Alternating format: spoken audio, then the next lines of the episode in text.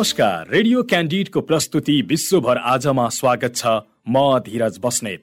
विश्वभर आज radio Candid ninety two point seven megahertz radio क्यान्डिडको आधिकारिक फेसबुक पेज र पोडकास्टमा समेत सुन्न सक्नुहुन्छ। विश्वभर आजमा हामी विश्वभर घटेका ताजा र विशेष घटना समेटिएका समाचार सामग्री प्रस्तुत गर्दै आएका छौँ। विश्वभर आज हरेक दिन बेलुका आठ बजेको क्यान्डिड फटाफटपछि प्रसारण हुँदै आएको छ।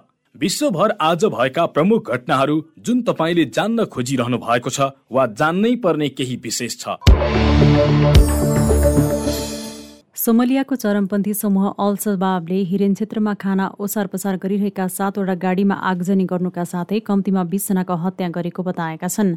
सरकारी सञ्चार माध्यम र स्थानीय बासिन्दाले चरमपन्थी समूह अल सबाबले हिरेन क्षेत्रमा खाना ओसार पसार गरिरहेका सातवटा गाडीमा आगजनी गर्नुका साथै कम्तीमा बीसजनाको हत्या गरेको बताएका हुन्। अल कायदा सम्मत समूह विरुद्ध र स्थानीयहरू एक भएको प्रतिशोध स्वरूप सो आक्रमण भएको स्थानीयवासीले बताएका छन्।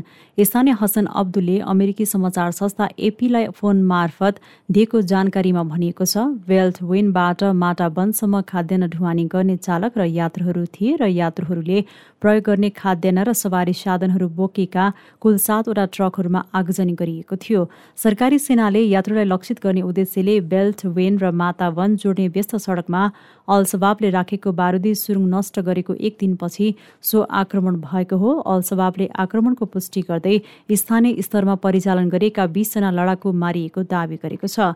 सोमलिया सरकारले यस बर्बर आक्रमणको निन्दा गरेको छ र मध्य र दक्षिणी सोमलियाको महत्वपूर्ण भागमा कब्जा जमाएको चरमपन्थी समूह विरुद्ध स्थानीय परिचालनका लागि आफ्नो समर्थन दोहोऱ्याएको छ।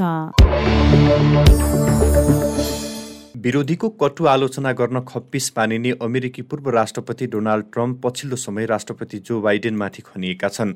आफ्नो निजी निवासमा सङ्घीय अनुसन्धान ब्युरो एफबिआईले छापा मारेपछि उनी बाइडेनको व्यक्तिगत आलोचनामा उत्रिएका हुन्। उनले बाइडेन देशकै दुश्मन भएको टिप्पणी गरेका छन्। एफबिआईले अगस्त आठमा फ्लोरिडा राज्यको पाम बिचमा रहेको निजी निवास मार अ लागुमा छापा मारेपछि पहिलो पटक सार्वजनिक रूपमा देखा परेका ट्रम्पले आफ्नो निवासमा गरेको अनुसन्धानलाई न्यायको धोखाधडी भन्दै यसले कसैको कहिल्यै नदेखेको परिणाम ल्याउने चेतावनी दिएका छन्। बिबिसीका अनुसार ट्रम्पले पेन्सलेभिनिया राज्यको विल्क्स ब्यारे सहरमा आयोजित र्यालीमा समर्थकहरूलाई भनेका छन् कानुनको घोर दुरुपयोगले यसअघि कसैले कहिल्यै नदेखेको प्रतिक्रिया ल्याउन लागिरहेको छ। ट्रम्पले यस हप्ता राष्ट्रपति बाइडेनको भनाइको पनि चर्को आलोचना गरेका थिए। एक कार्यक्रममा बाइडेनले ट्रम्पप्रति सङ्केत गर्दै भनेका थिए पूर्ववर्ती र रिपब्लिकन समर्थकहरूले हाम्रो गणतन्त्रको जगलाई खतरामा पार्ने अतिवादको प्रतिनिधित्व गर्दछन्। ट्रम्पले भनेका छन् अहिलेसम्मकै राष्ट्रपतिमध्ये बाइडेनले सबैभन्दा खराब घृणित र विभाजनकारी भाषण दिए। सम्बोधनका क्रममा बाइडेन देशकै दुश्मन भएको उनले सङ्गीन आरोप लगाएका छन्। अमेरिकी अन्तरिक्ष निकाय नासाले अन्तरिक्ष यात्रीले आरोहण गर्नु अघि नै परीक्षण उडानका लागि चन्द्रमामा रकेट पठाउने तयारी गरेको छ। यसै साथ दोस्रो पटक प्रक्षेपण टोलीले नासाले निर्माण गरेको अहिलेसम्मकै सबैभन्दा शक्तिशाली तीन सय बाइस फिट अन्ठानब्बे मिटर लामो रकेटमा करिब दस लाख ग्यालन इन्धन लोड गर्न सुरु गरेको थियो। खराब इन्जिन सेन्सर र इन्धन चुहावटका कारण सोमबारको प्रयास भने रोकिएको थियो। नासाको प्रक्षेपण कन्ट्रोल समूहका अनुसार जब सूर्य उदायो अत्याधिक दबावको घन्टी बज्यो र इन्धन लोड गर्ने कार्य केही समयको लागि रोकियो तर कुनै क्षति भएन र प्रयास पुनः सुरु भएको छ। नासाले चन्द्रमाको वरिपरि रकेटमाथि क्रू क्याप्सुल पठाउन चाहेको छ जसले अन्तरिक्ष यात्रुहरू अर्को उडानमा पुग्नु अघि यसलाई सीमामा धकेल्छ। यदि परीक्षण डमी सहितको पाँच हप्ताको पूर्व अभ्यास सफल भयो भने अन्तरिक्ष यात्रीले सन् दुई हजार चौबिसमा चन्द्रमाको परिक्रमा गर्न सक्नेछन् र सन् दुई हजार पच्चिसमा चन्द्रमामा अवतरण गर्न सक्नेछन्। मानिसहरू पचास वर्ष पहिले अन्तिम पटक चन्द्रमामा पाइला टेकेका थिए। सोमबार एउटा सेन्सरले चारवटा इन्जिनमध्ये एउटा निकै न्यानो भएको सङ्केत गरेको थियो। तर पछि इन्जिनियरहरूले यो निकै चिसो भएको पुष्टि गरेका थिए। प्रक्षेपण टोलीले यसपटक समस्यापूर्ण सेन्सरलाई व्यवस्था गर्ने र प्रत्येक मुख्य इन्जिन ठिकसँग चिसो भएको सुनिश्चित गर्न अन्य उपकरणहरूमा भरोसा गर्ने योजना बनाएको थियो। प्रज्वलित गर्नुअघि मुख्य इन्जिनहरू माइनस चार सय बिस डिग्री फरेनहाइट नौ माइनस दुई सय पचास डिग्री सेल्सियस शून्यमा प्रभावित तरल हाइड्रोजन इन्धन जत्तिकै चिसो हुनुपर्छ। यदि होइन भने परिमाणित क्षतिले अचानक इन्जिन बन्द हुन सक्छ र उडान रद्द गर्न सक्छ। झण्डै चार दशमलव एक अर्ब अमेरिकी डलरको यो परीक्षण उडान नासाको नयाँ चन्द्र अन्वेषण कार्यक्रमको पहिलो चरणको हो। ग्रिक पौराणिक कथामा अपोलकी जुम्ल्या बहिनी आर्टेमिसको नाममा दिएको यो उडान सफल हुनेमा नासा विश्वस्त देखिन्छ। नासाको अपोलो कार्यक्रमका क्रममा बाह्रजना अन्तरिक्ष यात्रीले चन्द्रमामा पाइला टेकेका थिए। पाकिस्तानले हालैको बाढीबाट प्रभावित भएका देशका तीन करोड तीस लाख बाढी पीडितलाई सहयोग गर्न अन्तर्राष्ट्रिय समुदाय समक्ष अपिल गरेको छ। बाढीमा परेर झन्डै एक हजार तिन सय जनाको मृत्यु भएको जनाउँदै पाकिस्तान सरकारले मानवीय सहायताको प्रतीक्षामा रहेका तीन करोड तीस लाख आफ्ना नागरिकका निम्ति सहयोग गर्न अन्तर्राष्ट्रिय समुदायसँग आग्रह गरेको छ।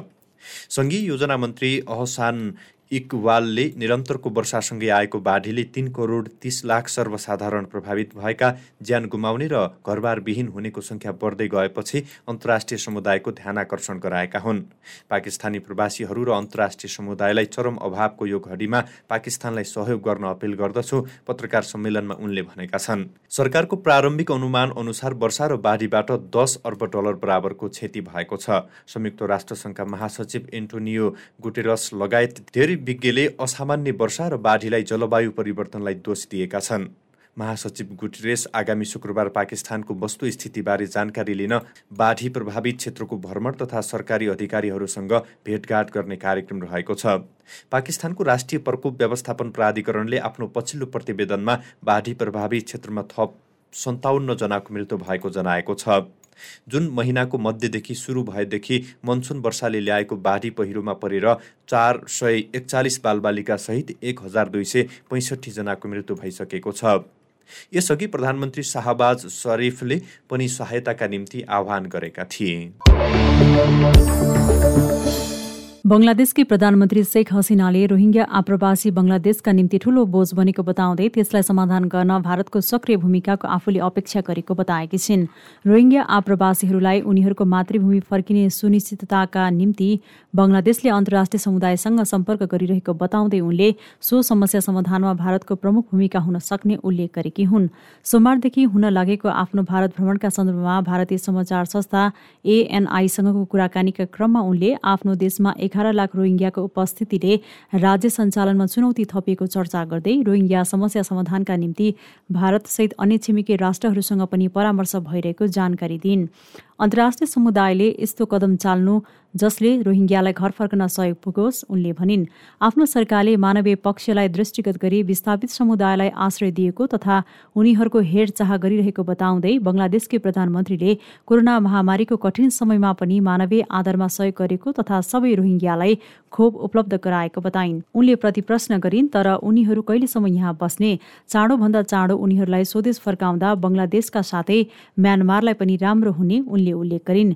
रोहिङ्ग्याको उपस्थितिले बङ्गलादेशको सामाजिक संरचनामा समस्या उत्पन्न भएको कोही लागु औषध तस्करीमा लागेको कोही हात हतियारसहित द्वन्द निम्त्याउनेतर्फ लागेका र कोही महिला बेचबिखनमा संलग्न भएको बताउँदै प्रधानमन्त्री हसिनाले उनीहरूको शीघ्र घर फिर्तीका लागि दक्षिण पूर्वी एसियाली राष्ट्रहरूको संगठन आसियान तथा संयुक्त राष्ट्रसङ्घ लगायतका अन्तर्राष्ट्रिय समुदायसँग छलफल गरिरहेको पनि जानकारी दिइन्।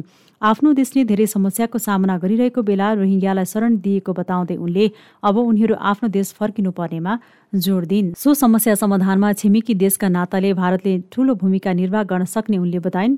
टिस्टा नदीको पानी बाँडफाँड लगायतका आपसी विवाद समाधान हुन नसक्ने आफूलाई नलागेको पनि उनले भनाइराखिन् भारतसँग सम्बन्धका सबै विषयमा नयाँ दिल्लीमा छलफल हुने पनि उनले स्पष्ट पारिन्।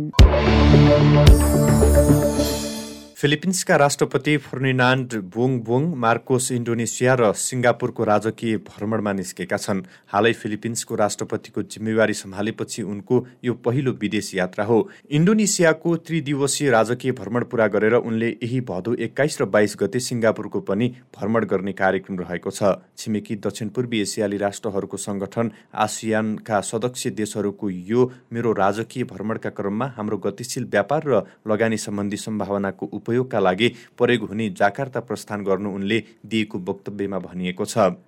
सिङ्गापुर र इन्डोनेसिया भ्रमणका क्रममा कोरोनाको महामारी पछिको आर्थिक वृद्धिलाई गति दिन तथा निर्यातका लागि थप लगानी एवं सक्रिय खरिदकर्तालाई आकर्षित गर्न आयोजित व्यापारिक मञ्च तथा बैठकमा आफू सहभागी हुने उनले जानकारी दिएकी छन्। आयोजित व्यापारिक मञ्च तथा बैठकमा आफू सहभागी हुने उनले जानकारी दिएका छन्। उनले इन्डोनेसियाका राष्ट्रपति जोकोवी वी डोडोसँग समसामयिक विश्व राजनीतिक र भविष्यका साथै फिलिपिन्स इन्डोनेसिया सम्बन्धबारे विचार विमर्श गर्नेछन्। इन्डोनेसिया फिलिपिन्सको सहयोगी एवं निकटतम साझेदार मुलुक मानिन्छ। सिङ्गापुर भ्रमणका क्रममा फिलिपिन्सका राष्ट्रपतिले त्यहाँ आफ्ना समकक्षी हलिमाह याकुब र प्रधानमन्त्री लिसियन लुङसँग बेग्ला बेग्लै भेटवार्ता गर्नेछन्। दुवै भेटवार्तामा फिलिपिन्स र सिङ्गापुर बीचको सम्बन्धलाई अझ गाढा तुल्याउन द्विपक्षीय प्रतिबद्धतालाई नवीकृत गर्ने आर्थिक सम्बन्धलाई अगाडि बढाउन विकल्प खोज्ने तथा क्षेत्रीय एवं साझा चासोका विश्वव्यापी विषयमा छलफल गर्ने राष्ट्रपति मार्कोसले बताएका छन्।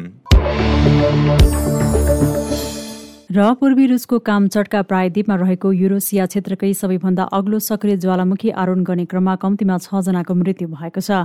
आरोहणमा गएका अन्य छजना अल्पत्र परेका छन्। खराब मौसमका कारण उद्धारकर्ताहरू क्लुचे भस्काया सोपका ज्वालामुखीमा रहेको अन्य छजना आरोहीसम्म पुग्न असमर्थ रहेको बिबिसीले जनाएको छ। आरोहीहरूमध्ये दुईजनाले समुद्र सतहबाट तीन हजार तीन सय मिटर उचाइमा रहेको शिविरमा आश्रय लिएका र अन्य चारजनाले चार हजार मिटरको पालमा आश्रय लिएको विश्वास गरिन्छ। सबै आरोही रुसी नागरिक हुन्। दुईजना गाइडसहितको बाह्रजनाको समूहले मंगलबार चार हजार सात सय चौन्न मिटरको शिखरमा आरोहण सुरु गरेको स्थानीय सञ्चार माध्यमहरूले जनाएका छन्।